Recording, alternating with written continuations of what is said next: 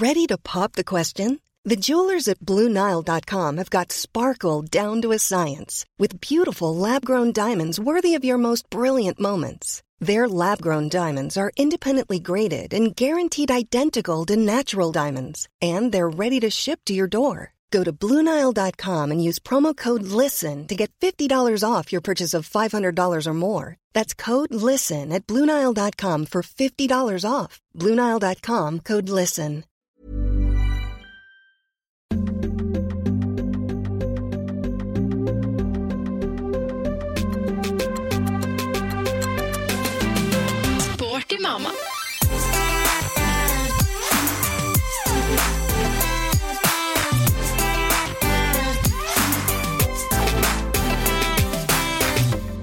Nei, faen, Tute, nå henger den der planta der borte med geipen igjen. Jeg hæla ikke det. Tute? Hæ, hvor da?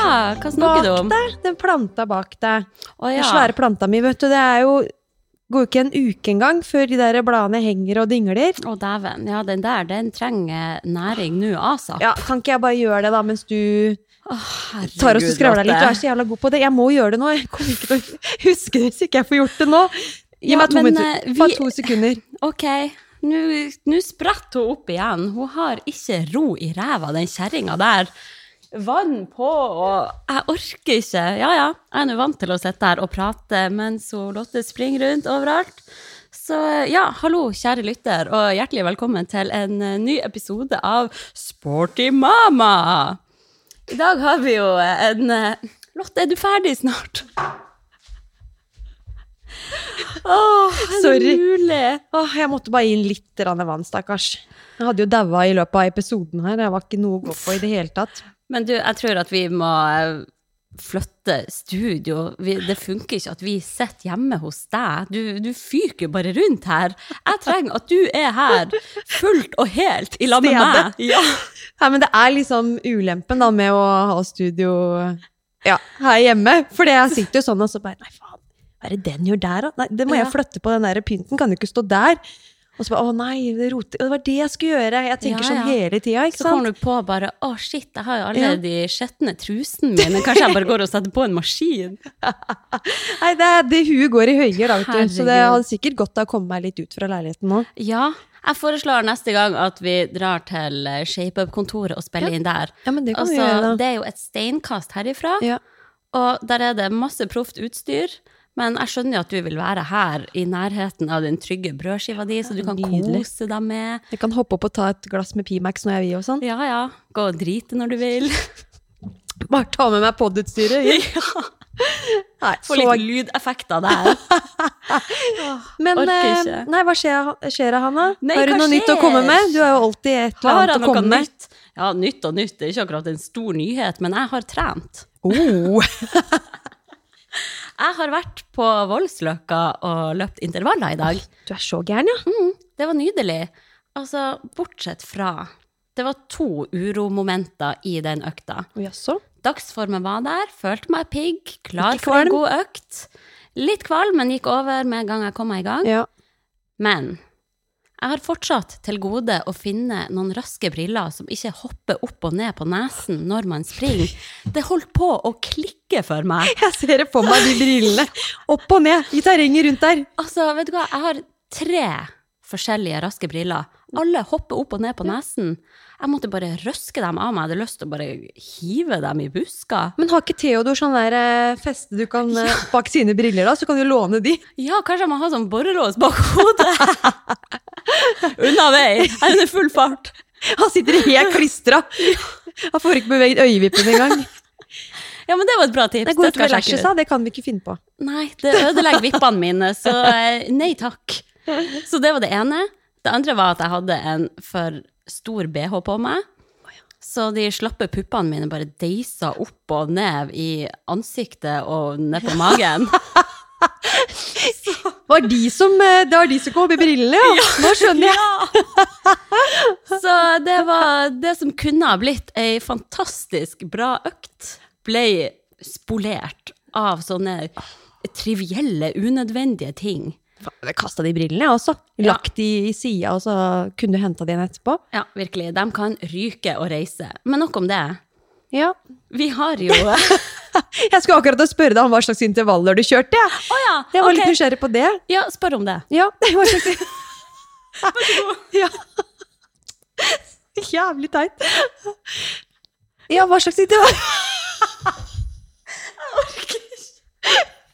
Hva slags intervaller kjørte du, da?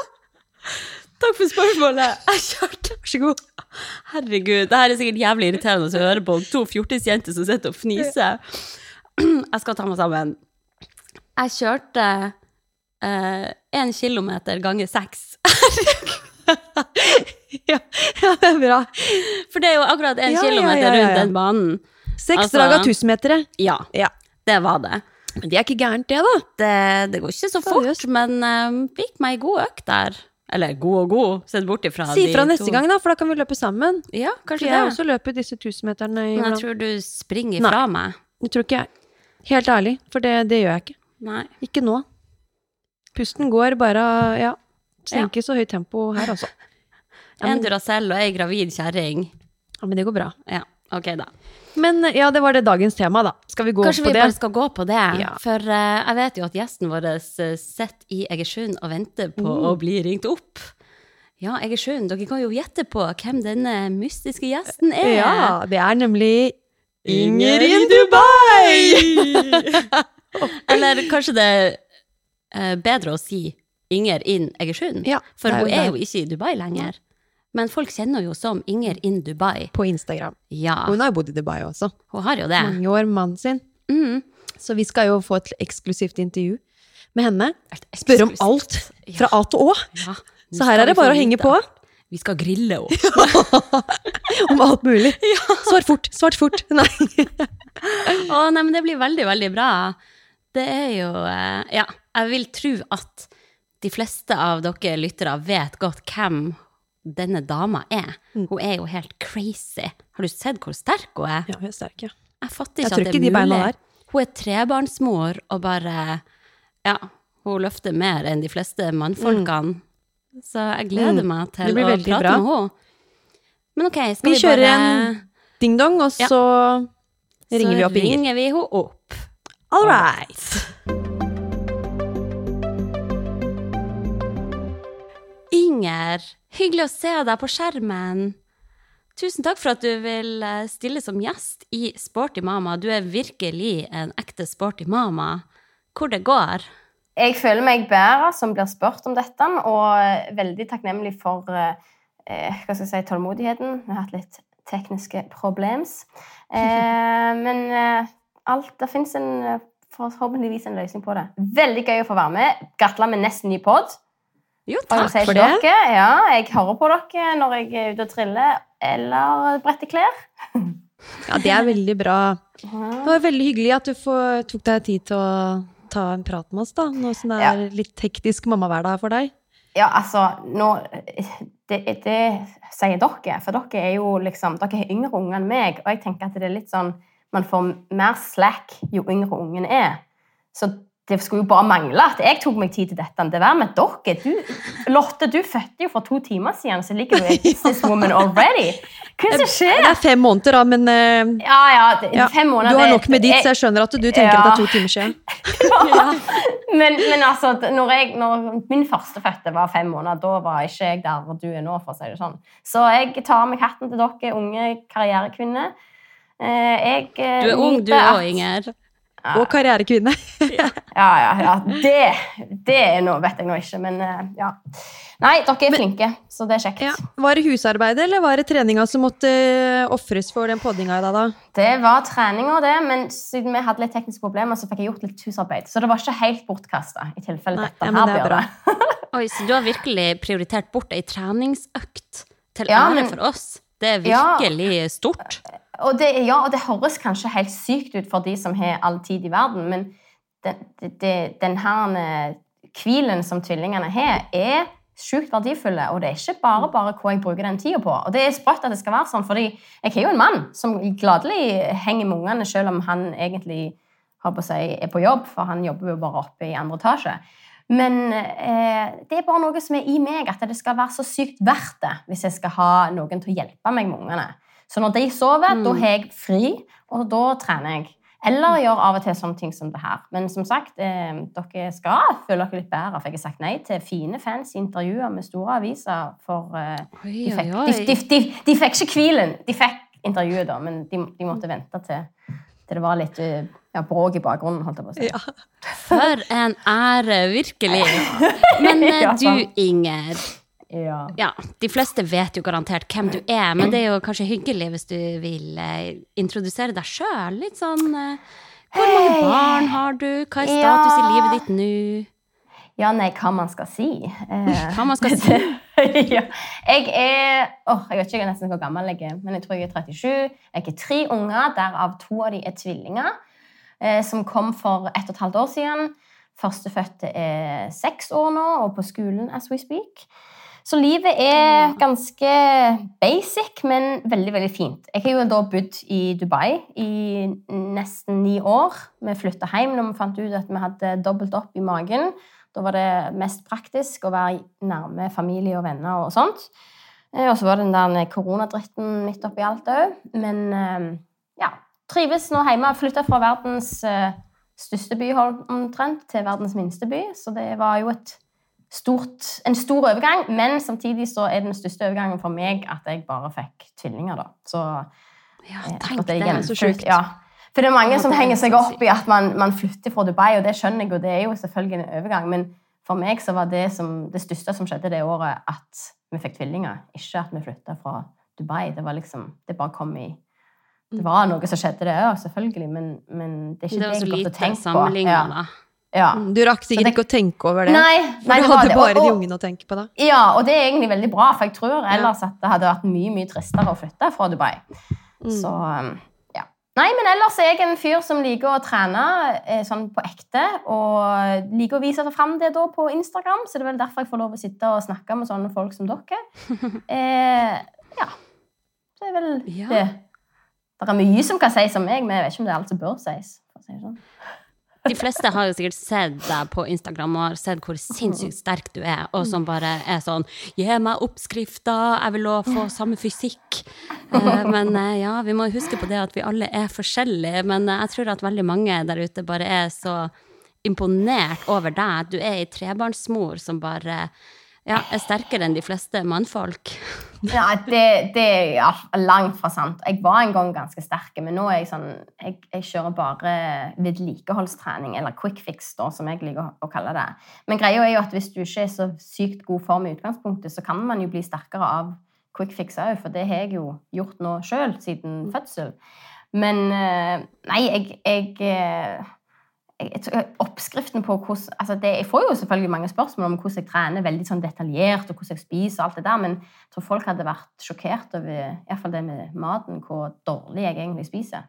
Eh, og med dårlig så mener jeg eh, håper jeg ikke etter bok og rett. Jeg spiser brødmat til nesten alle døgnets måltider, og kan gjerne, hvis det er rester fra middagen dagen før, så gir jeg gjerne det til mann og barn, og så spiser jeg skjeve i stedet. Skjønner du? Bare for å slippe å lage middag?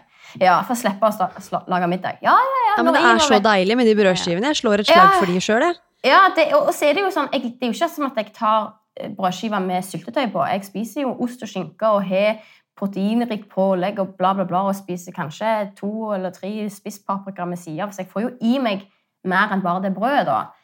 Men det er bare Jeg vet ikke. Jeg blir aldri lei. Jeg blir aldri lei. Så det så det, ja, og så er det jo.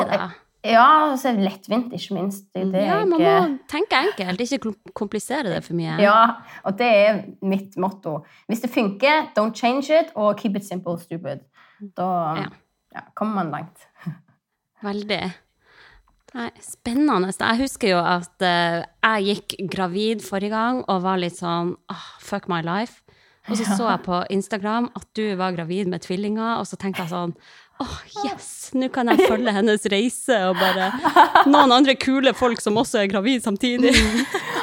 Du, men det er ganske sprøtt der hvordan man på en måte får et slags ikke, samhold eller sånn med, folk, andre folk på Instagram som er i samme situasjon. Jeg husker jo til og med hvor jeg gikk hen i Dubai når jeg hørte podkasten til deg og eh, Angeltids om når du fortalte at du var gravid. liksom. Det er så sykt at man, man, men det, liksom, det legger seg på minnet. Og da synes jeg, jeg tenker, herregud, skal hun bli så voksen som oss nå? liksom? Ja. Ok, welcome. Du er jo fortsatt er en ung, sprek person i mine øyne. Ung men- og lovende. man, ja, man endrer seg jo litt da, sant? Det, men man, man blir jo liksom annerledes, eller i hvert fall får litt andre prioriteter når man plutselig blir mamma, og så Ja.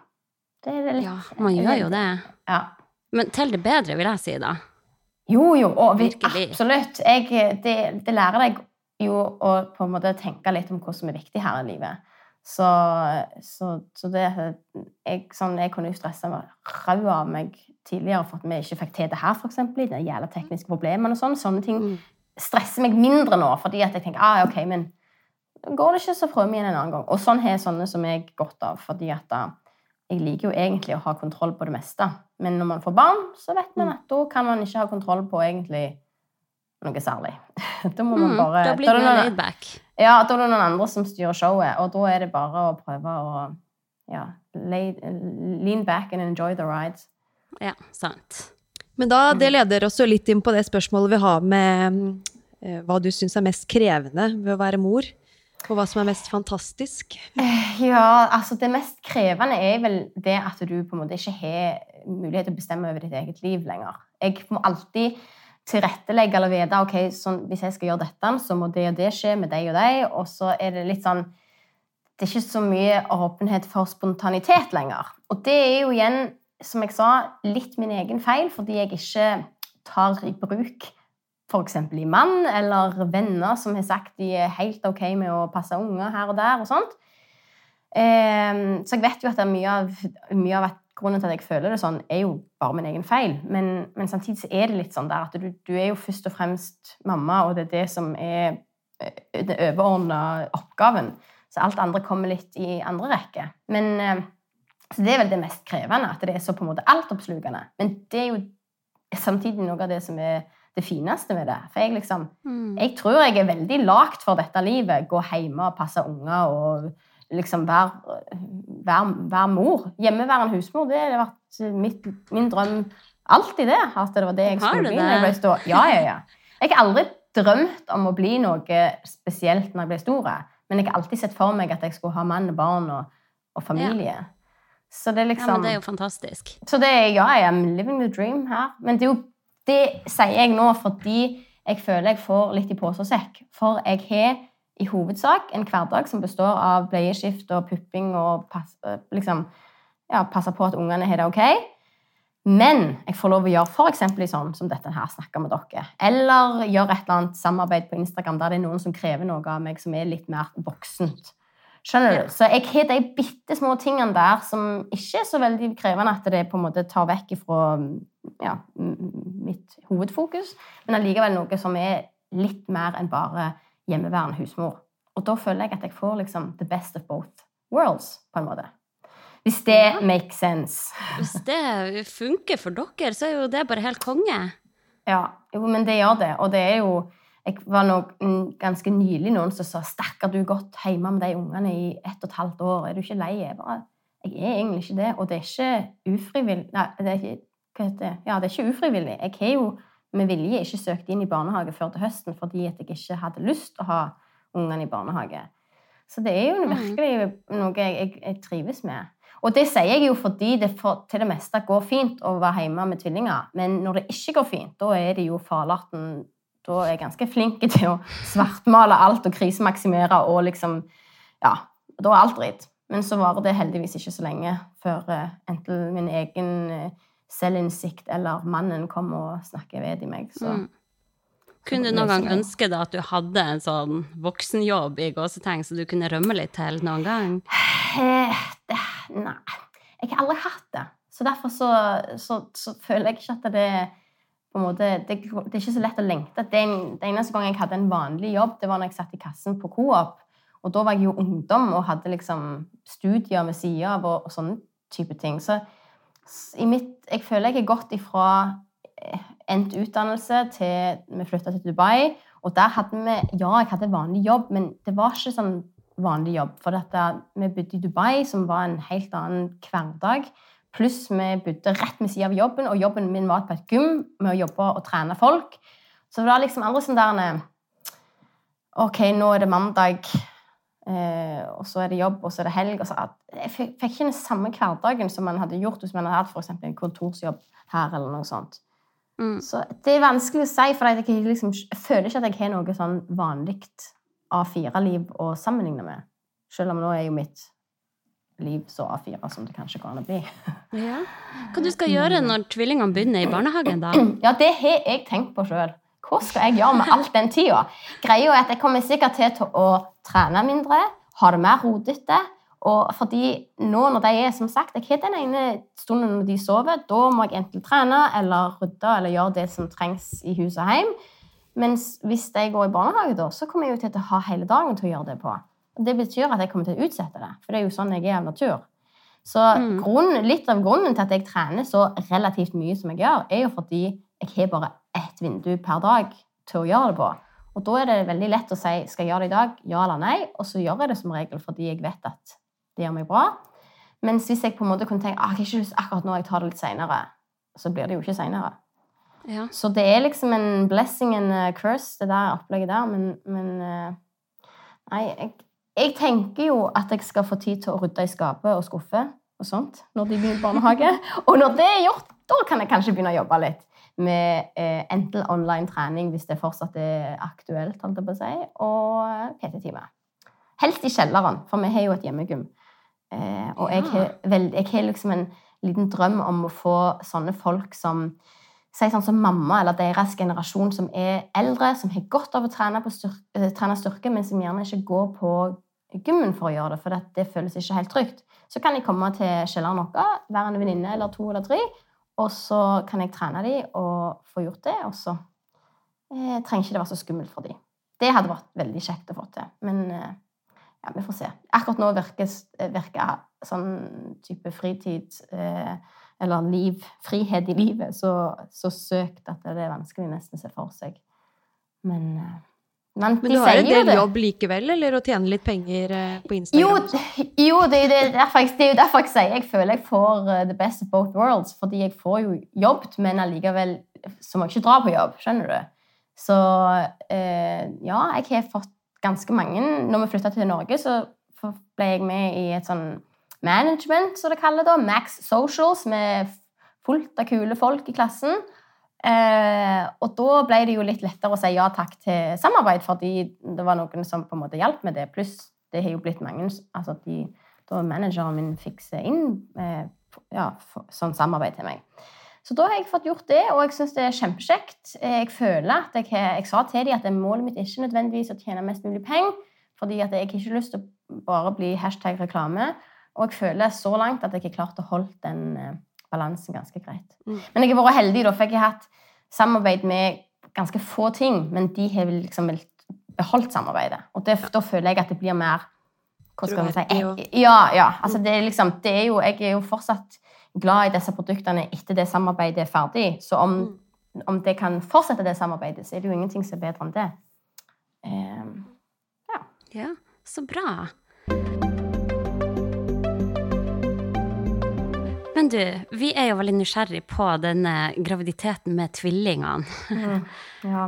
Vil du bare fortelle sånn, hva tenkte du da du fant ut at det var to? Og hvordan var det å ha to mennesker inni den lille kroppen din? Å, det var så jævlig vondt. Å, fy faen. Det var så Var det vondt. vondt å gå det- gravid? Det var rett og slett skikkelig skikkelig vondt. Og jeg har snakket med tvillinggravide nå som på en måte ikke har hatt det så vondt som meg. Eh, men, det, så det er klart at det kan jo være at jeg bare hadde det Men det, det var helt stort Helt vill forskjell fra å ha én unge i magen til å ha to. Eh, og da er det ikke mer det var ikke så mye, var, I starten var jeg jo ganske mye mer kvalmen enn jeg kan huske jeg var første graviditet. Men jeg tenker mest på det på slutten, der du kjenner at magen bare skal sprekke. Og det var vondt og fysisk vet, liksom, Storesøster da hadde jo lyst til å stryke på magen og, og, ta på babyen der inne. Jeg kunne nesten ikke få ta i magen, for det var så vondt å ta på skinnet, liksom. Det var, det var nesten sånn Herregud. Ja, det var, det var Men, men, men igjen, det, jeg var nok bare ganske uheldig der. Alt annet var jo relativt bra med tanke på at jeg hadde to. Jeg var god i form. Alle sånne blodverdier og sånt var, det var ok. Og, og jeg fikk trene og, og holde på litt med det som jeg eh, det. Men jeg var jo sykt mye trøttere på, på slutten og husker at jeg, når hun var i barnehagen, så gikk jeg gjerne på trening en dag i uka, og så gikk jeg og hvilte meg liksom resten. Det var helt Mm. sånn Virkelig legge seg ned og hvile. Det var jo helt, helt, helt på slutten, da. Men ja, når jeg fant ut at det var to i magen, da um, det, det var jo Altså, verden var jo helt merkelig da i utgangspunktet, fordi at da, det var jo akkurat da covid hadde starta. Så bare Mm. for the record, de tvillingene er ikke covid-babies. De ble lagd før covid starta. ikke at det betyr noe, men ja, eh, det er mange Det var samme i mitt tilfelle. Ja, ja, ok, ja. Jeg derimot. ja du, Du trengte litt å gjøre under pandemien. ja. Nei, men eh, Nei, så, så um, Jeg gikk jo på um, sykehuset fordi jeg hadde, hatt, jeg hadde tatt en graviditetstest og så, som var positiv, og tenkte vel bare at jeg var kjempeglad for det. Men så fikk jeg noen blødninger en morgen og tenkte at nå var det noe gale. Så jeg gikk til sykehuset for å finne ut hva det var, med ansiktsmasker og helt alene. For jeg fikk ikke ha med meg inn, og vi hadde da måttet søkt online for å få lov å dra ut av huset. For vi var jo på under strengt lockdown Ja, i for da var dere i Dubai, sant? Da var, ja, og da var det skikkelig harde kår. Jeg husker jeg misunte folk hjemme i Norge som bare var, hadde fri fra skole og sånt, og var ute. Og jeg har aldri visst at jeg hadde så mange friluftslivvenner. For det, alle sov i telt eller hengekøyer og altså var ute og å, Og vi fikk som sagt ikke lov å gå ut av leiligheten engang. Så Det var rare tider. ja, så er det du litt tvillinggraviditet, kvalme oppå det, så kan du tenke deg at da, situasjonen var ganske bra. Men iallfall. Så gikk jeg på sykehuset da, og hun eh, tok den her eh, ultralyddildoen, hvis det er lov å si, oppi ratata, og så, så så hun at alt var Hun sier jo liksom OK, men alt ser fint ut her, og sånn. Og så Og jeg bare Å, takk, sier jeg opp, tenker jeg oppi hodet mitt. Og så sier hun Wait a minute. Og jeg bare Å nei, nå var det liksom ikke bra likevel. Eh, there's two in here. Og jeg bare husker, Så husker jeg Jeg lå der vet du, og skrev det, og så så jeg opp i taket. Jeg ser de lampene foran meg ennå og tenkte bare Nå blir livet aldri det samme lenger. Og det var liksom Det var så life-changing moment. For da var det Jeg kan jo ikke eh, liksom legge skjul på at det det var mer stress enn glede som gikk opp i hodet Mm. mitt da. Og hvor mye mer eh, ekstra alt ble. Ekstra jobb, ekstra ting som måtte inn, ekstra arv. Altså, det var, det var så mye som, som ble mer eh, ja, mer alvorlig på en måte. Jeg vet ikke hvordan jeg, jeg ble, ble redd for det. Jeg tenkte hva liksom, jeg skulle gå gjennom, og jeg var redd for at jeg ikke skulle ha tid til hun eldste, og jeg var redd for at jeg ikke skulle ha tid til hver baby, fordi det kom to babyer som skulle slåss om min kjærlighet. Altså, skjønner du? Det var så mange sånne rare tanker i hodet. Og jeg husker at det var så mange som kom til meg og sa at men, åh, du vet ikke hvor heldig du er. Det, å få tvillinger er det beste som kunne skjedd deg, og du er så heldig, og det er så fantastisk og så fint og flott. Og jeg tenkte bare Who are these people? Jeg er ikke en sånn person. Men nå har jeg altså blitt en sånn person. For hvis jeg ser noen nå som outer på Instagram at de får tvillinger, så er jeg bare sånn Å, herregud, du vet ikke hvor heldig du er, og det er så gøy og fint og flott og sånn. Så det er jo ja, det er sjukt mye arbeid med tvillinger, og det er sjukt mye som er ekstra stress. Og bare det å gå og handle mat i matbutikken er mas fordi du må ha med deg to unger. Iallfall i starten, sånn når, de, når de var så små at de måtte bæres sånn overalt. Nå kan jeg ta den ene i hånden og den andre under armen, eller begge under armen hvis det trengs. Det, liksom, det blir jo lettere jo eldre de blir. Men det var mye sånn logistikk som var vanskelig i starten. Men det, de sier det er dobbelt så mye jobb og dobbelt så mye lykke, men det er, det er ikke rett. Det er dobbelt så mye jobb, ja, men det er tusen millioner ganger mer lykke. For det er sånne Jeg vet ikke hvor skal, Det er liksom så mange moments der jeg bare sitter og tenker «Åh, eh, Hvor heldig jeg er, da. Og det er nesten sånn at jeg syns synd på de som ikke får lov å oppleve å ha tvillinger. Altså. Og jeg, jeg er ikke en sånn person i utgangspunktet, trodde jeg iallfall. Men eh, for som sagt, det var mye stress og uro i mitt hode når jeg fant ut at det var to. men det var en gave. En two for one package deal som var Ja, det, det har gjort dere godt. Ja, det er jo veldig unikt, da.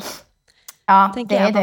ja. og så er det jo veldig gøy at det er en, en, en av hver, med en gutt og en jente. og det var kjekt at Ian fikk en gutt, for jeg tenkte alltid når vi fikk første, så håpte jeg så inderlig at det skulle være jente. Det var bare sånn, det var det jeg ønsket. Og så nå fikk han en gutt òg, så får han oppleve For det er liksom det er noe spesielt å ha sitt eget kjønn. Det er ikke dere får teste ut ennå, men det kommer kanskje. Eh, men, men eh, Nei, det var liksom Det var bare Og så var det ikke, ikke minst at begge to var friske, og at jeg fikk en eh, jeg håper å si, det gikk jo, Alt gikk jo fint. Det var jo ganske Ja. hektisk der da med selve fødselen, for den gikk jo nesten litt skeise, for å si det mildt. Men uh, ellers har jo alt vært bra etterpå. Ja. Fortell oss litt om den fødselen, da. Ja, ja, og det er jo Jo, jo, det kan jeg virkelig gjøre, for jeg, jeg føler at jeg har opplevd to så vidt forskjellige fødsler på, på, på spekter som det kan gå. Førstefødte, da fødte jeg i vann. Jeg hadde gjort sånn hypnobirthing preparation course i Dubai, og, og skulle liksom ikke ha noe smertestillende eller noen ting sånt. Og det gikk eh, egentlig akkurat sånn som jeg hadde håpet og ønska, bortsett fra at jeg ikke fikk eh, klyster. Jeg fikk ikke tømt tarmene. og Alle som føder, vet at det kanskje føles ut som den babyen kommer litt feil plass. Eh, Men hvis det liksom det tror jeg nok ikke ja, og det hadde man jo følt uansett om man hadde tatt klyster eller ikke. Men Bæsje bowlingkule.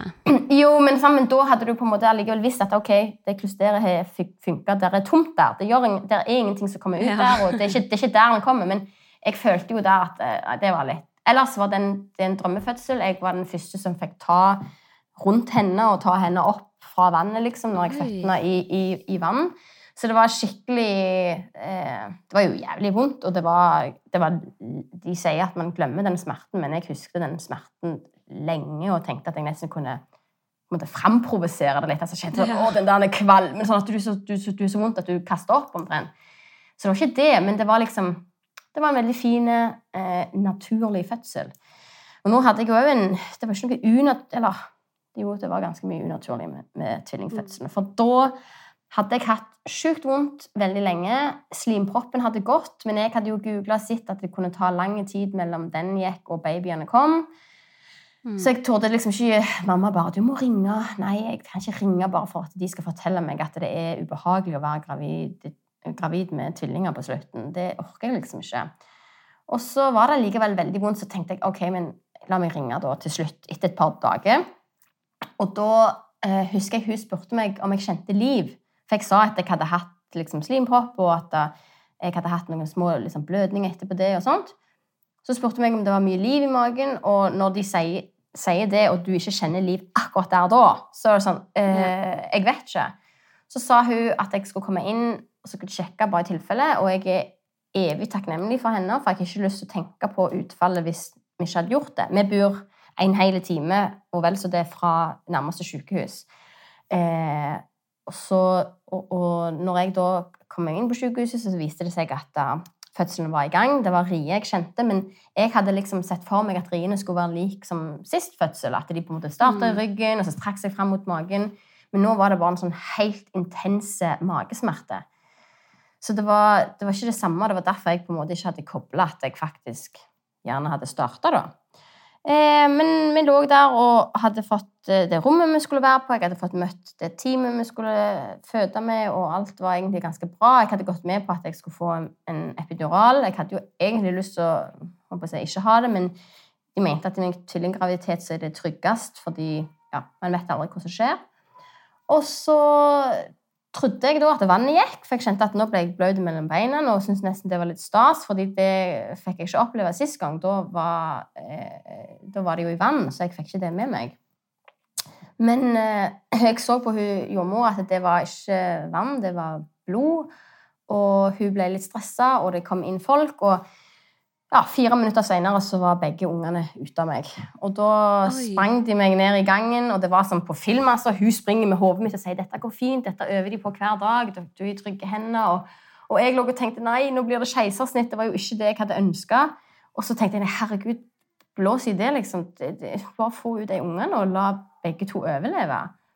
Eh, så det som skjedde, var at mor, morkaka til den ene eh, babyen, tvillingen, eh, løsna og blødde kjempemasse. Så eh, jeg, hun kunne, da får ikke hun eh, oksygen, så hun kunne blitt hjerneskada, og jeg kunne da blødd i hjel. Så hvis vi hadde vært i hjemme, og jeg ikke hadde hørt på Mm. mamma, så kunne det skjedd. Og det er sånn ja, oh, helt sprøtt å tenke på. Ja. Helt helt sinnssykt. Åh, men hvordan Så, var det å men- få de to små skapningene Ja, nei, så du, ja, når jeg endelig våkna, da fikk vi med meg at nå, nå går eh, Nå går det Nå, nå er vi hva jeg si, i jeg er i live igjen, for da våkna jo jeg etter narkose og sånn. Eh, og da sa, var det noe, så sa jeg Først så spurte jeg etter mamma, og så spurte jeg etter Ian, og så sa hun dama at han var med babyen, og jeg bare Hæ, er de ute? Og det var en bitte liten del av meg som skjønte òg da at det var litt godt å vite at det liksom åh, det er overstått. Det er, mm. nå, er, nå, er, nå, er, det gjort, liksom. Eh, så det var jo på en måte litt ja, Nå springer jo Ingrid av gårde. Ja, det jeg, skal, jeg skal bare lukke døra og bare satse på at han der, mannen min tar seg av den. Det er godt å se det er flere som eh, flyr opp på strømmelpodder her og går litt rundt. Det, må være, det, kan jo være veldig mulig at dere har hørt i bakgrunnen at det har vært noen våkne her, men Nei, eh, inne på saken. Men ja, nei, så, så det, var en sånn, det var en helt surrealistisk følelse. Og jeg var så sykt groggy etter den narkosen at det liksom, jeg husker veldig godt at når jeg fikk de inn, og når jeg så de her to små rare skapningene og som på en måte allerede hadde fått på seg hue og klær. omtrent. Så, mm. eh, men, men, når det er sagt, så var jeg, tror jeg jeg var veldig heldig, for jeg har hørt om folk som er i, ja, i samme situasjon, ikke kanskje da nødvendigvis med tvillinger, men at de våkner opp fra narkose, og det er kjempelenge til de får se ungene sine. Og dette her var mindre enn en time. For jeg tror Ine hadde nettopp måte fått de opp på brystet sjøl og, og, skulle på en måte vente til jeg våkna. Og så våkna jeg sikkert før de hadde trodd, da. Eh, så det, var en, de, det gikk ikke noe lang tid før de var på brystet mitt og kom seg på puppen. Og jeg, ja, jeg hadde en Det var en skummel fødsel, men jeg føler at etter det så har vi vært veldig heldige. Ammingen gikk fint. Det eneste var jo det her såret mitt eh, eh, fra det katastrofesnittet, da, som det så fint heter som begynte å, det, fikk, det, begynte å blø. Så det så ut som en sånn middagspølse eller en fuckings falukorv på nedre del av magen der. Så, så, så, det så jo virkelig ikke bra ut. Og, men de ville allikevel ikke sprette det opp og ta ut det blodet, for det var så mye risk for at det kunne bli infeksjon da. Mm, ja. Så gikk det nå suksessivt ned til liksom fra falukorv til ja, middagspølser, og så til en grillpølse, og så er det vel sikkert ennå en liten slags pølse der nå, da. Men, men allikevel det, det, Ja, en liten wiener. Nei, det er ikke, forhåpentligvis ikke så gale. Men, men at du ikke Men, men, det, er, men det, var, det, var, mye mas med det såret, for det blødde jo hver gang jeg dusja. Så var det sånn om å gjøre å få seg fort mulig, fortest mulig på sånn, noe sånn der bandasje, og på noten måtte jeg sove med en her bandasje. Alle snakker om eller jeg vet jo at det er mye som foregår i trusa etter en fødsel med blod og sånt, men det var mye sånn styr. Og så måtte jeg ta blodfortynnende, så Ian måtte sette sprøyte på meg hver kveld. For jeg tak takla jo ikke det å ta jerntabletter og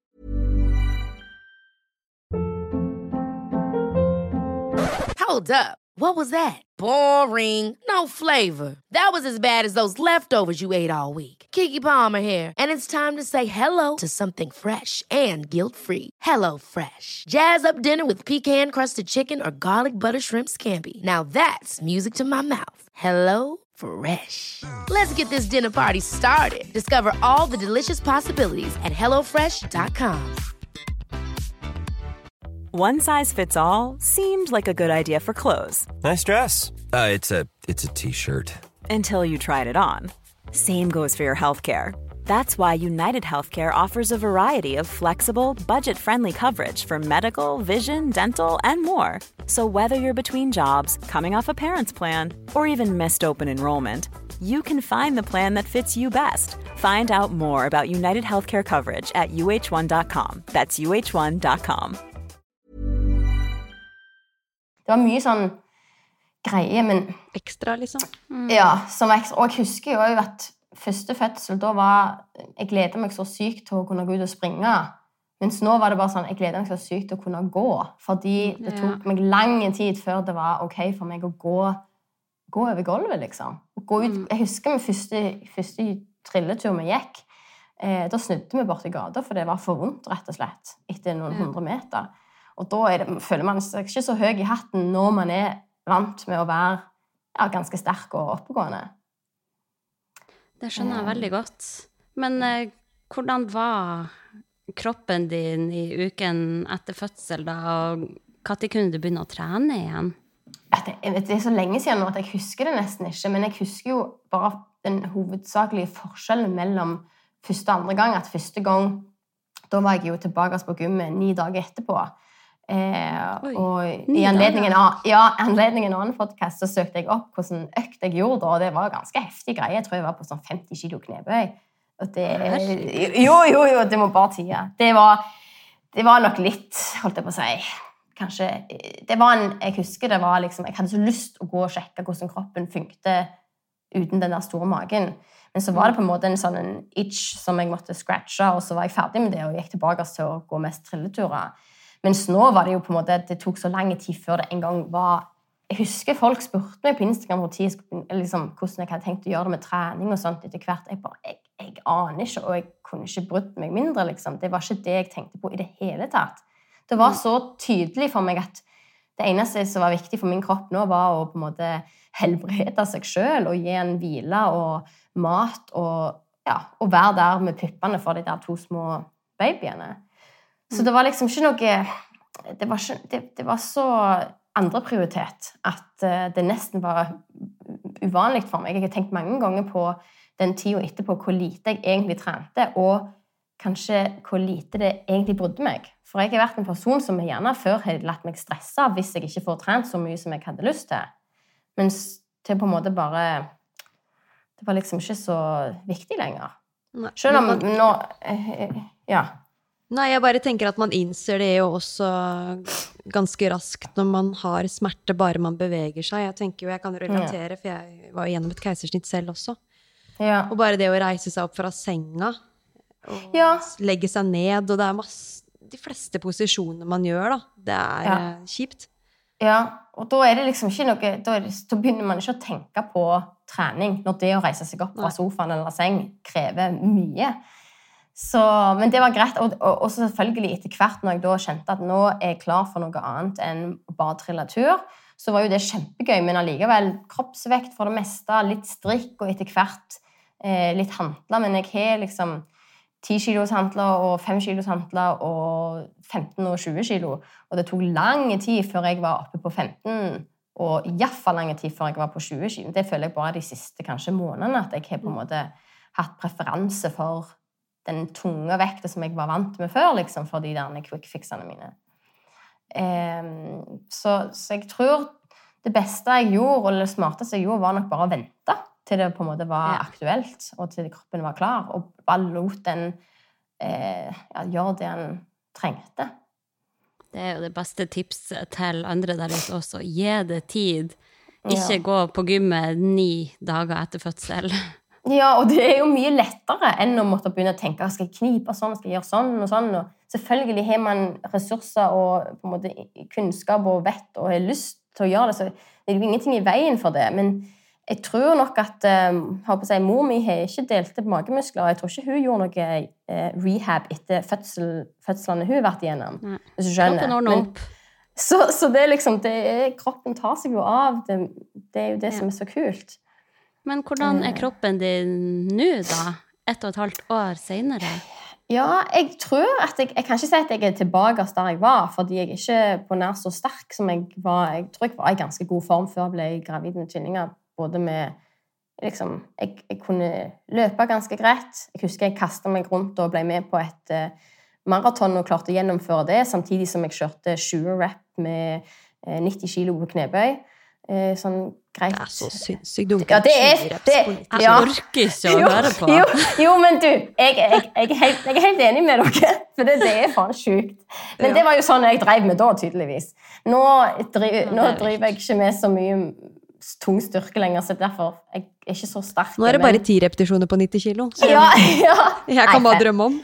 Ja, jo, men, men du skjønner at det, det er liksom Selvfølgelig blir man god til det man gjør ofte, og jeg gjorde ofte knebøy, så da, det var akkurat den øvelsen hadde Altså, markløftene mine matcha jo ikke det i det hele tatt. Så, men det var iallfall Det var da. Så nå føler jeg at jeg er ganske noenlunde tilbake i Kanskje ikke da styrke, men føler at jeg allikevel er i ganske god form. Jeg eh, føler jeg klarer å springe ganske fort og allikevel løfte og holde på med de vektene som jeg ønsker å holde på med sånn som jeg vil.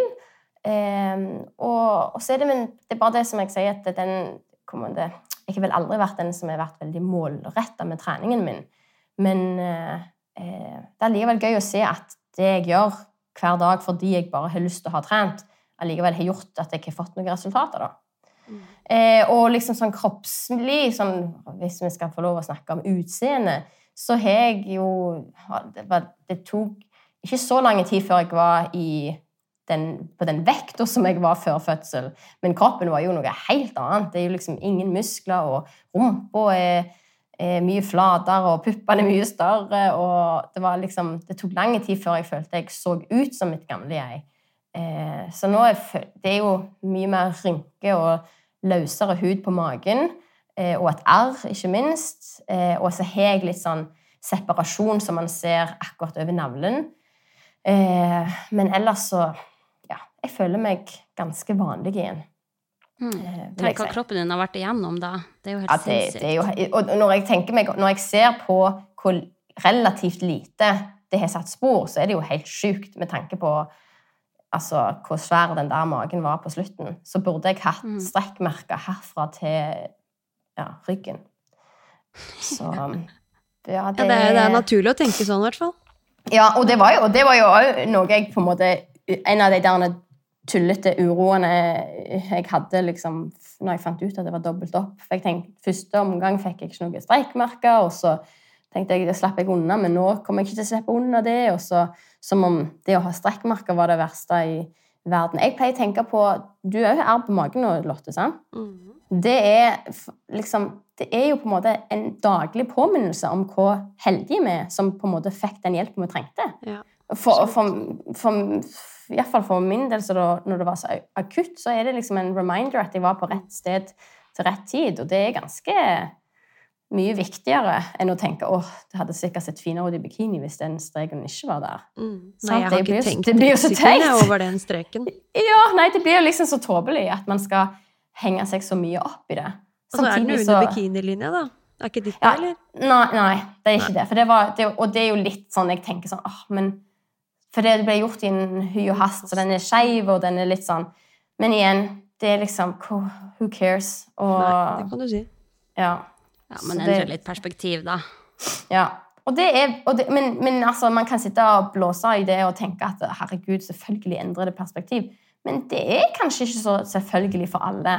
Så derfor, så, og jeg kunne godt sett for meg Jeg har alltid tenkt at jeg var en sånn type som virkelig ikke kom til å trives med å ja, legge på seg det man gjør når man blir gravid og alt det der. Men det òg tror jeg jeg takla bedre enn jeg hadde forventa. Og da Ja, det er selvfølgelig for noen, men ikke for alle. Og jeg bare tenker at jeg skal være sykt takknemlig for at, at jeg slapp unna.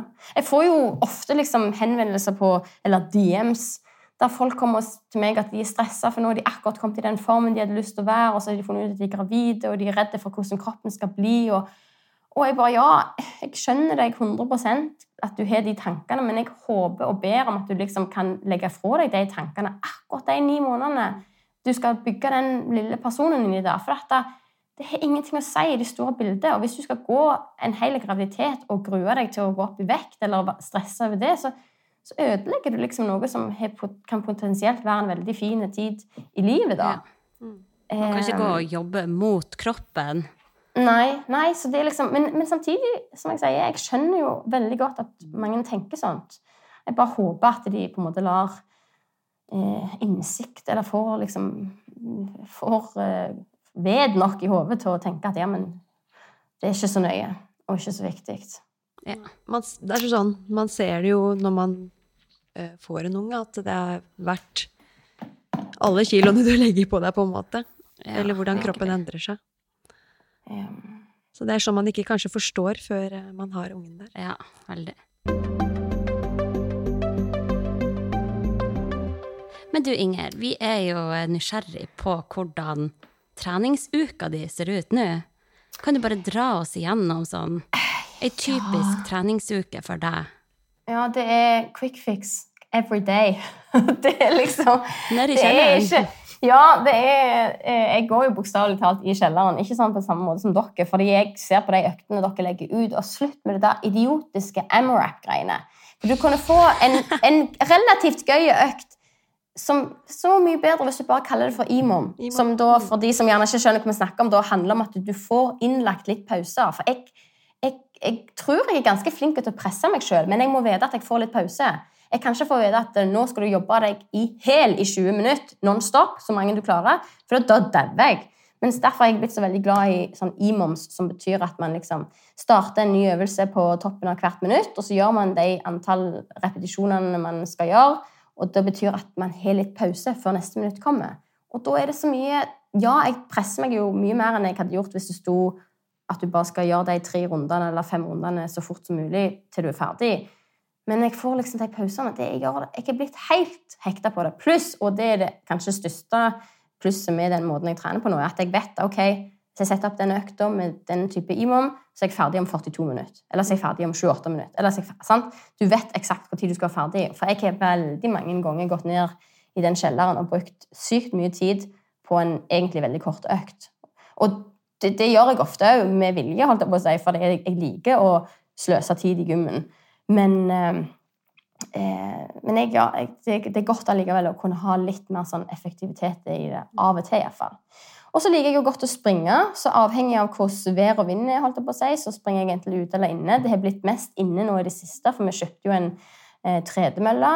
Eh, og jeg har alltid tenkt sånn på de, sett på de som ja, løper på mølla og ser på serie. Så jeg tenkte å sakkan, så gøy! Jeg kommer til å bli så sykt fit! For at jeg kommer til å ville bare springe hver gang jeg har lyst til å se på fjernsyn. Men la det bare være sagt, det er sjukt kjedelig å bare springe for å springe for å se på serie. Jeg er nødt til å på en måte prøve å slå min egen tid eller et eller annet sånt. Jeg må ha et slags mål. Selvfølgelig det, det jo, blir jo det enda gøyere av at jeg ser en kjempegøy serie. Men, men bare sånn måfåløping på mølla, det er ikke så kult som det høres ut til. altså. I mitt hode, iallfall. Så det blir noen eh, naptime runs på den. Eller så tar jeg gjerne med meg tvillingene ut og springer rundt eh, banen. Vi har en idrettsbane fire-fem minutter fra huset. Så det ble på en måte den, mine, mine første, min, ja, de første møtene mine med løping etter, etter graviditeten. da. Eh, og så er det av og til på helg og sånn, hvis Ian, når, når Ian er hjemme og ikke er på jobb, så tar jeg meg en løpetur ute hvis plan, hvis det passer. Men oftest er på en måte helg og treningsfri.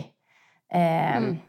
Men så jeg Ian jobber jo ganske mange helger og jobber jo ganske mye, punktum. Men, men da det, kan det òg være at i helga så når, når, tvillingene skal sove, så tar meg og eldste og ser en film. Bare hun sitter i sofaen, og jeg står bak sofaen og, og holder på med noen eh, hantler. eller noe sånt der. Så får vi begge ja. to eh, det som vi på en måte hadde lyst til. Eh, det er jo fint så, at du klarer å kombinere det, da. Jo, jo, og, og det er jo, si, hun har jo lært seg at Eller skjønt det at det å trene er, er noe som er bra for meg. Hun, en gang så husker jeg hun sa hun satt og tegnte, og så drev jeg og trente. Og så sier hun mamma hadde det ikke vært mye gøyere hvis du stoppet med det du gjør, gjør og jeg stoppet med det jeg gjør. Eh, og så gjorde vi noe sammen heller. Og jeg bare Jo, det hadde det. Men du skjønner det, Kai, at hvis Pappa jobber hele helga, jeg skal være alene med tre unger. Jeg trenger å gjøre dette for at jeg skal være en gladere mamma.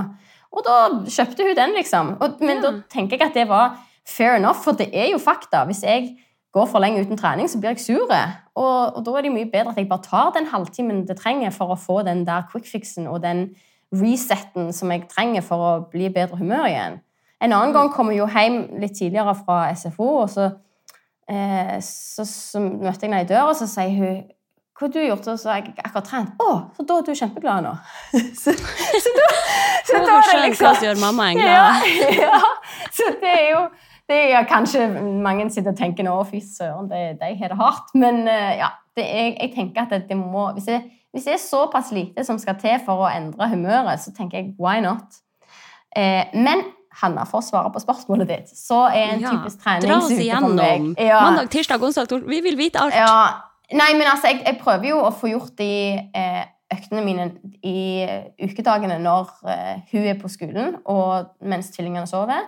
Men det betyr ikke at jeg trener hver dag for det. Ja. Men det blir ofte kanskje en quick fix ja, mandag, tirsdag, onsdag, torsdag og fredag. Og så er det en dag innimellom der, der hvis jeg har noe jobb jeg skal gjøre, eller eh, jeg bare ikke har lyst en dag, så er det selvfølgelig ofte at jeg tar fri, men det kan ofte bli uker der jeg trener alle hverdagene òg.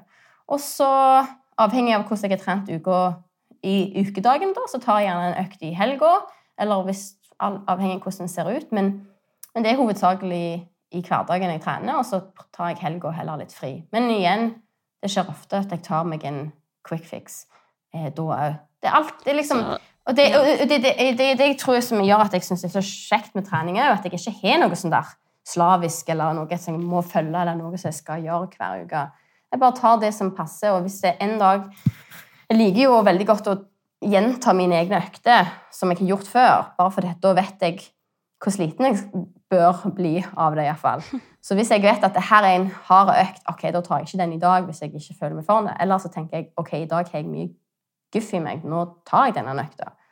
Så, så bare tilpasser jeg det sånt. Så du kan finne på å trene quick fix-økter, altså eksempel en imom, Ja. fem dager på rad. Ja, ikke sam, Da gjør jeg en, gjerne en IMOM fem dager på rad, men med ulike øvelser. Men hvis du ser på mine økter, så er det jo veldig Det er et eller annet dragmoment. Det er et eller annet litt uh, mer eh, thruster eller eh, dumbbell snatch eller noe som er litt mer eksplosivt. Altså, det er veldig same shit, different brand-greie. men jeg er jo veldig enkel Altså, det trenger ikke være så hokus pokus for meg. Nei, du får i hvert fall nok stimuli på de ulike muskelgruppene. Høres det ut som. Ja. ja. Og, og det er liksom, når du ikke har noe spesifikt mål, så er det ikke så nøye heller. sant? Nei. Det er moro med litt sånn lapskaustrening iblant, da. Ja. Det er bare det jeg gjør, så det er det jeg føler er ja, det er en, Men du er holder deg helt skadefri òg, det har jeg tenkt på flere eh, Jeg tror jeg aldri har hørt at du har hatt en skade. ja, Don't Ja. jinx it! Men, eh, men jo, jeg har jo hatt, jeg har hatt påbegynnende vondt ulike plasser. Nesten hver gang jeg gjør vanlig markløft, så får jeg vondt i, i korsryggen et par dager etterpå, fordi jeg er så stolt av at jeg ikke skal gå ned i vekt. Du gjør markløft en gang i kvartalet, kanskje, og allikevel behold, eh, trene hver gang med samme vekt. sant? It's so very smart! Eh, det er ikke smart, altså. Hvis det var noen som ikke forsto at jeg eh, der. Men det er bare sånn jeg er, og det er veldig plagsomt at jeg ofte liksom Ja, jeg er for stolt. Det handler liksom stolthet, eller at jeg skal liksom tøffe meg, eller jeg vet ikke jeg, eller bare liksom Jeg vet at jeg har klart det en gang før, så da bør jeg klare det i dag. Tre måneder etterpå. Men, eh, så da får jeg ofte litt vondt i korsryggen. Og så har jeg hatt eh, litt problemer med eh, hælen, faktisk. Jeg har fått litt vondt i hælen av og til. Fikk det nå nylig i, i Dubai, på det siste draget jeg hadde et sånn kjapt intervall. Men så var jeg flink og tyngde meg sjøl til å ikke springe så mye eh, en stund etter det, og så har det blitt godt nok. Det er ikke godt, men jeg vil ikke kalle det en skade. Men det er noe som jeg ikke burde skimse av, liksom, likevel. Ja. Men ja, jeg har bank i bordet og vært heldig. Jeg hadde jo eh, jeg, jeg, jeg gjør mye beintrening, og jeg har hatt gode kne og alt sånt hele tida, så jeg håper bare det varer. Det er tydelig at eh, kroppen din tåler det høye treningsvolumet du påfører. Ja, jeg, eh, jeg, jeg tror jeg har sluppet unna mye med at jeg ja, trener litt variert, men òg at jeg på en måte har ikke lyttet til kroppen. Eh, Men der, samtidig så er det jo ikke alltid jeg gjør det heller, så jeg kan ikke skryte på meg det. Skal vi rulle litt videre her på Ja, jeg spørsmålene? syns det.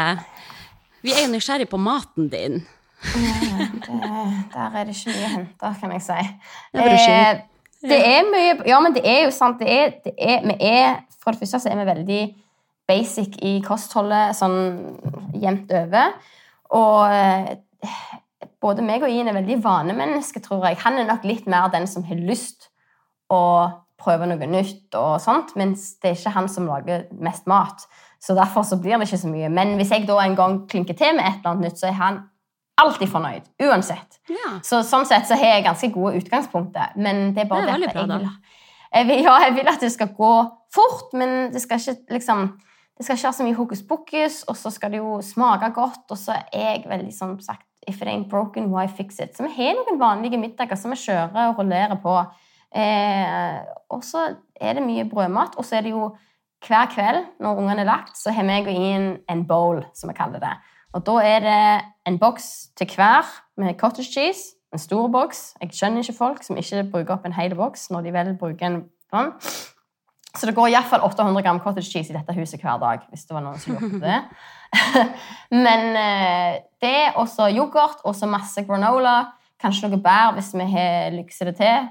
Og så, så er det det. Så det er kveldsmat. Frokost og lunsj for min del går i brødskive, og så er det en middag som kan være eh, så basic som fisk og poteter og gulrot. Og jeg er nok litt der at jeg på en måte tilrettelegger litt for hun eldste, som er det viktigste for meg at hun spiser middag. Og da går det i sånne litt veldig enkle ting som hun liker. Hun liker ikke så mye blanda mat, sant? så da kjører vi det kjøttdeig og ris og, og kylling og en salat på siden til oss. Eller i går lagde jeg noe vegansk opplegg. Som jeg selvfølgelig hadde med sida.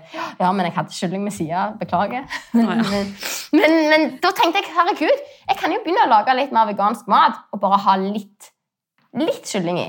Altså, sant? Så da spiser jeg mye mer av grønnsakene enn det jeg hadde tenkt.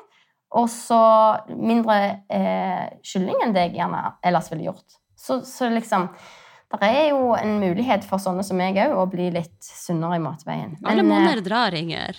Ja. Nei, men vet du hva? Jeg, jeg har mange ganger tenkt på det. For er det et spørsmål jeg får ofte, så er det hva jeg spiser i løpet av en dag. Og så er det litt av meg som har lyst å vise det, fordi jeg tror det kanskje kunne hjulpet noen å sett hva Hvis dere sier at jeg er sterk og, og ser sterk ut, så hadde det gjerne vært greit for folk som òg kanskje tenker det, og visst hvor lite flink man trenger å være for å kunne få de resultatene. Skjønner du? Samtidig så vet jeg at det er mange som kunne tatt det og på en måte kopiert det rett av, som ikke hadde hatt godt av det. Men jeg, men jeg tror virkelig at jeg kan si at jeg spiser på en måte som er Ja, det er godt nok. Det er ikke bra, for at jeg spiser for mye snop og gir for mye plass til liksom, sjokolade og, og sånt i hverdagen. Men allikevel så må jeg jo ha fått i meg Jeg er jo ikke noe, så vidt jeg vet, noen mangelsykdommer. Jeg blir ikke mye syk. Jeg eh, holder meg Jeg tror ikke du tar skadene altså- i Inger. Nei, så det er liksom. Ja, men så er det så sant så er, hvis jeg går ut og sier at jeg må spise sjokolade hver dag, for det, det gjør jeg, så er jo ikke, skjønner, da er jo ikke det bra for alle å høre det. Samtidig så er det noen som burde hørt at det er faktisk helt greit. Så det er derfor jeg egentlig ikke syns det er så kjekt å snakke for mye detaljer om hvor jeg spiser, fordi det kan liksom Du vil ikke nå Du kan ikke gi et svar som er bra for alle, uansett. Um, og akkurat her på maten så føler jeg at det ofte kan være litt skadelig. hvis du skjønner. Og det er det jeg syns er så skummelt. Eh, For jeg vet sjøl, jeg har vært der tidlig i holdt på å si, i internettverden, der man liksom så noen som så bra ut, og tenkte ok, hva spiser du? Ja, da skal jeg òg spise det. Og det er jo ikke sånn det fungerer her i verden. Men du lar liksom ikke snop og sjokoladen og sånn ta opp plass til et måltid? Det, du adder jo det på Ja, det jo, spiser, eller? Jo, jo, men det kan jo være at jeg sånn Som for eksempel hvis i en uke, eh, en helg, så tar jeg eh, spiser smågodt til kveldsmat. Da lager ikke jeg noe middag til etter ungene er i seng, og liksom noe som vanligvis meg og han hadde hatt noe pizza eller noe takeaway eller noe sånt da. Da kjører jeg smågodt til kveldsmat, altså. Det er, det er helt 100% fint. Og så er vi litt ringe i reia, altså dårlig i magen dagen etterpå, fordi det er jo ikke så sunt.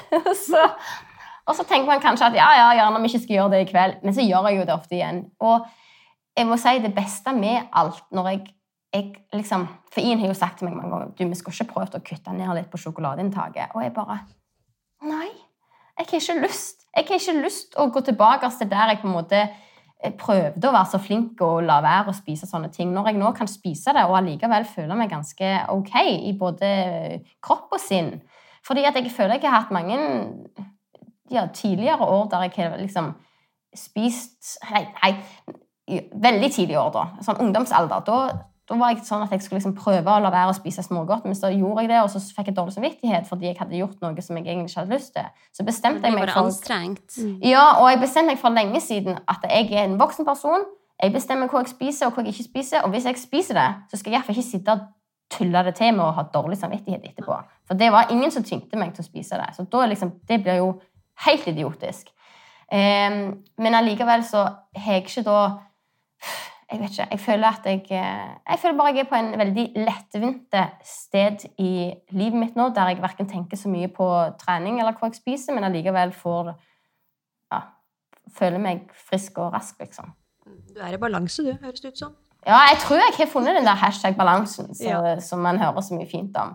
Mm, sånn. Eh, og så er det jo en liten del av meg som tenker ok, jeg ammer to tvillinger fortsatt. hvor mye liksom, hjelp er det egentlig det? Kanskje det er bare det at jeg kan spise omtrent hva jeg vil, fordi de suger det ut av meg i melka etterpå. Eh, så vi får se. Det er ikke sikkert det Du har nok godt av de ekstra kaloriene ja, når du har tvillinger du fullammer i tillegg. Ja, ja, så jeg føler at det kanskje Det, det er jo Ja, det, det er jo helt sjukt. Og høyt aktivitetsnivå har du, og Ja, ja, og det tror jeg en every mom can relate at man Før så, så trente jeg jo mer enn det jeg gjør nå, men jeg satt på rumpa resten av dagen. Nå trener jeg en halvtime, 40 minutter, men jeg sitter lite på rumpa. Ikke sant? Sant? Så det er, jo det, som, det er jo det som er kanskje den største forskjellen. Det er kanskje Eh, vanskelig så- for deg nå å få i deg nok. Nei, det tror jeg ikke, for jeg er veldig glad i mat. Og jeg, har liksom, jeg er en sånn som kan spise 200 gram sjokolade og ikke kjenne antydninger til kvalme. Du blir mett. Mm, Så- så det er liksom- Ja. Ja, så det er liksom Jeg blir aldri jeg- kvalm av mat Ja. Og sjokolade, ja. Jeg kan spise mengder med det, vet du. Ja, jeg- merke noe. Ja, det er godt å høre. For jeg, ja, jeg tenker mange ganger at jeg kanskje er ekstra rar, men nei, det er liksom Det er ikke noe stress i det hele tatt. Så jeg, jeg føler ikke det er eh, at det er vanskelig å få i. Jeg tenker heller bare på at det, det, er, godt, det er godt å kunne få lov å spise masse mat og ikke måtte tenke på at man skal Men som sagt, jeg, jeg føler jo at det jeg gjør feil med kosthold, er at jeg kanskje ikke spiser så mye grønnsaker som jeg burde, og, og sånt. Men men så, så får jeg av og til, så får jeg sånn Jeg får sånn sjukt sjukt cravings på eh, sånn gulrot. Og det tror jeg at kroppen min bare forteller meg at hallo, nå er du nødt til å ha noe i. En annen dag så fikk jeg så lyst på brokkoli at jeg liksom jeg gikk og kjøpte meg en. Her går det En rå en, og så bare knaska på. Ja, jo, men det var tydeligvis Cravings på sa- sa brokkoli. til. Jeg tror ikke på Ja. deg, Inger. Jo, ikke, ikke cravings, men jeg kjente Jeg hadde lyst på det og tenkte at jeg nå eh, Da må du benytte var- muligheten.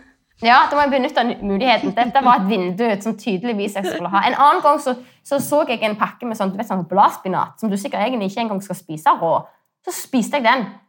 Og så hadde jeg kjøpt eh, sjokolademelk og alt sånn etterpå, som jeg egentlig har. Men jeg kjente, jeg så, å, så den i butikken, bare, å, sakkan, det så godt ut. Trykte den i nebbet rett før jeg liksom tok resten. Så da, så jeg bare liksom, eh, ja. Jeg, I have my moments. Men, ser det ut det utover. Det er perfekt, det. Mm.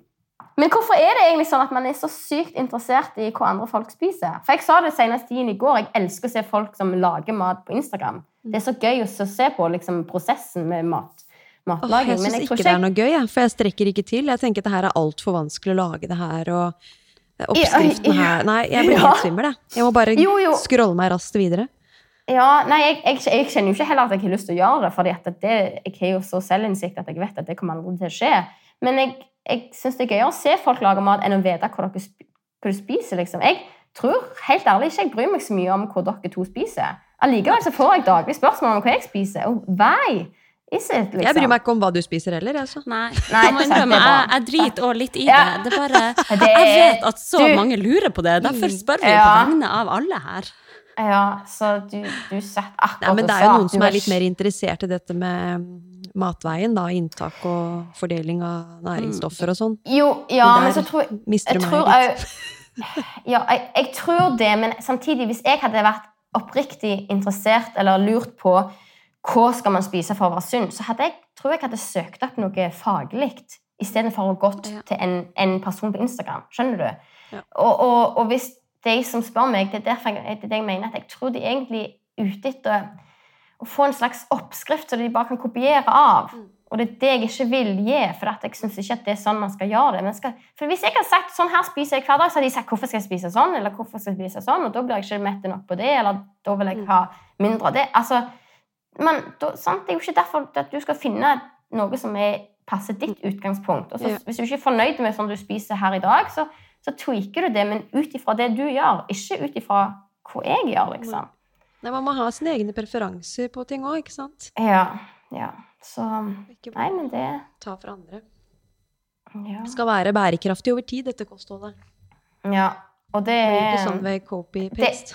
Nei, og det er jo ikke sånn altså Hvis jeg ser på hvordan jeg spiste før, for si, de første årene i Dubai for forhold til nå, så er det jo totalt forskjell. Men det har litt òg med selvfølgelig tilgjengelighet og matvareutvalg. Praktisk og Men, men, men man finner jo forhåpentligvis en greie da over tid som man kjenner ok, men dette her trives jeg med, og det, ja, det kan fortsette å holde over tid. Mhm. Ja, men det er bra. Vi er på siste spørsmålet, vi egentlig nå. Ja. Eh, vi lurer på om du kan komme med noen tips til hvordan man kan få inn trening i hektiske perioder. Jo, det er vel å finne den eh, tiden på døgnet eller eh, i timeplanen der man vet at det er mulig, og så bare gjør det da når man har tid. Og hvis man ikke har den tiden fra før av, så det har man kanskje ikke, så må man lage seg det og liksom, Sånn som jeg har satt av sovetiden deres, det er min treningstid, og that's it. Da går ikke jeg og leter etter en mulighet til å trene på andre tider av døgnet. Eh, men hvis man på en måte ikke har unger som sover midt på døgnet, nei, midt på dagen, og må trene på morgen før jobb eller på kveld etter jobb, da, eh, da har dere min dypeste medfølelse, og jeg skjønner 100 det er så kult å trene. Altså, nei, men, men helt på skikkelig. Jeg vet jo at hvis det hadde vært eneste alternativ for meg òg, så hadde jo jeg funnet en løsning på det. Men jeg har så forståelse for de som må trene etter jobb, at det kanskje ikke blir så mye trening da. Fordi det må være så sykt mye mer mas å trene når man egentlig er sliten og bare vil ja, gå hjem og slappe av.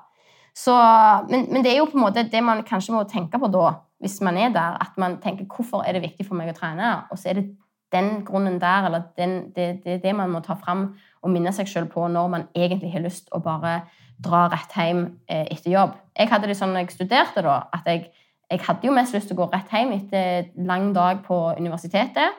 Men jeg stoppet alltid bussen der som jeg visste gymmen var, fordi da gikk jeg innom gymmen. Og bare kom jeg inn der, så var det jo greit til å, å liksom eh, ja, få gjort den økta. Men, men hvis jeg hadde gått hjem da og tenkt jeg går på gymmen senere, så hadde det jo aldri skjedd. Ja. Så Unngå kanskje- den mellomstasjonen med Ja, kanskje, kanskje man bare ikke må la seg gi seg sjøl et alternativ til å ikke trene. Og så tror jeg òg man må tenke som jeg, altså, at det trenger ikke være så sjukt mye. Hvis man har en ja, Hvis den generelle målsetningen er bare å få trent fordi det er sunt å trene, så, trenger man ikke Det trenger ikke ta så lang tid, liksom. Og hvis man tenker i utgangspunktet at det ikke trenger ta så lang tid, så er det lettere å få gjennomføre. Og det vet jeg jo selv, for før var jeg jo virkelig der at jeg tenkte jeg har ikke tid til å gå og trene en hel time med tung styrke, så da dropper jeg det. Og det var jo det jeg mest fant ut altså Den største åpenbaringen min når jeg fikk unger, var jo at det, jo da, alle måneder drar. Og det er noe vi har hørt tusen ganger. Men allikevel, hvis man tester det ut i praksis, så kan jeg være et levende bevis på at det faktisk funker sånn. Ja. Um, Heller Også, litt over tid enn Ja. noen få lange økter. Ja, og så er det jo mm, altså, slag for Jeg trener jo hjemme med det jeg på en måte eh, har tilgjengelig, og jeg har ganske mye tilgjengelig. Men hvis man skal trene hjemme, hvilket jeg syns er bra, et bra alternativ hvis man har en travel hverdag, for da tar man jo vekk reising til og fra gymmet og alt det der ekstra maset, så er det jo selv om det er mye du kan gjøre med bare kroppsvekt, så er det det å investere i et par handler, en strikk, en slynge, et eller annet. Fordi det er liksom det, det blir så mye mer lett å lage seg en god økt, og så blir det litt mer motiverende. Og jeg har det jo også sånn at hvis jeg trener her hjemme, så gjør jeg det på et spesifikt sted i stua. Jeg står ikke rett der som jeg står og lager mat, eller rett der som ungene leker, eller der som jeg sitter vanligvis og drikker kaffe som om jeg satte meg ned og drakk kaffe. liksom. Men eh, skjønner du at jeg har en på en måte, her er det jeg trener når jeg trener hjemme. Og, og så på en måte blir det som en slags jeg vet ikke, en slags ordning på det. Som gjør at ok, nå, jeg, nå tar jeg denne økta, og så er det det jeg holder på med her og nå. Og så får du det gjort. Um. Mm. Bra tips. Jo, Vi er nødt til å runde av her for å rekke å hente i barnehagen og alt mulig greier som Ja, står på vet. agendaen. Jeg vet ikke hvor mye meldinger som er tikket inn på deres, men jeg har hatt et tapt anrop og en melding fra en forelder som skulle hatt, jeg skulle hatt med ungen hjem, og diverse, diverse. Så det er nå litt vi skal henge seg opp i her etterpå nå. Nå er det Nå, tilbake til ikke livet her. Ja. Jo, men du får ikke nevne de der to tvillingene som jeg regner med er våkne nå, og forhåpentligvis er med faren, ellers er de i, eh, ja, i, fritt, i fri flyt der ute. Ja. Nei, men det er bra, Inger. Tusen takk for at du Ja. tok deg tiden til å gjeste podkasten vår. Du er jo en skikkelig sporty mamma, og vi er veldig inspirert uh, av deg. Ja, i like så, Både som mamma og treningsfronten og det som er. Du er en skikkelig superwoman, altså. Mm, Det, det er bare å Det er si. Takk. I like. Like måte. Ja, shit, tenk at du er trebarnsmor. Det er helt vilt å tenke på.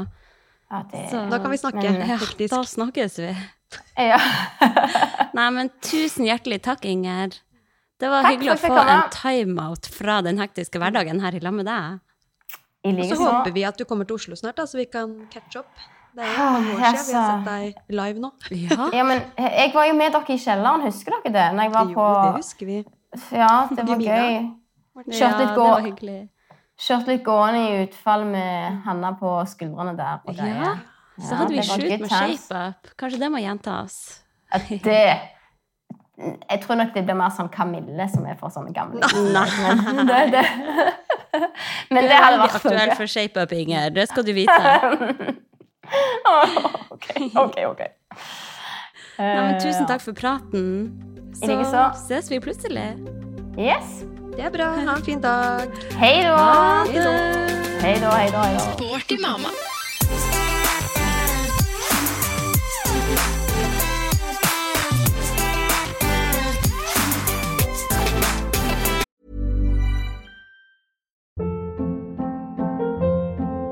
Hold up. What was that? Boring. No flavor. That was as bad as those leftovers you ate all week. Kiki Palmer here, and it's time to say hello to something fresh and guilt-free. Hello Fresh. Jazz up dinner with pecan-crusted chicken or garlic butter shrimp scampi. Now that's music to my mouth. Hello Fresh. Let's get this dinner party started. Discover all the delicious possibilities at hellofresh.com.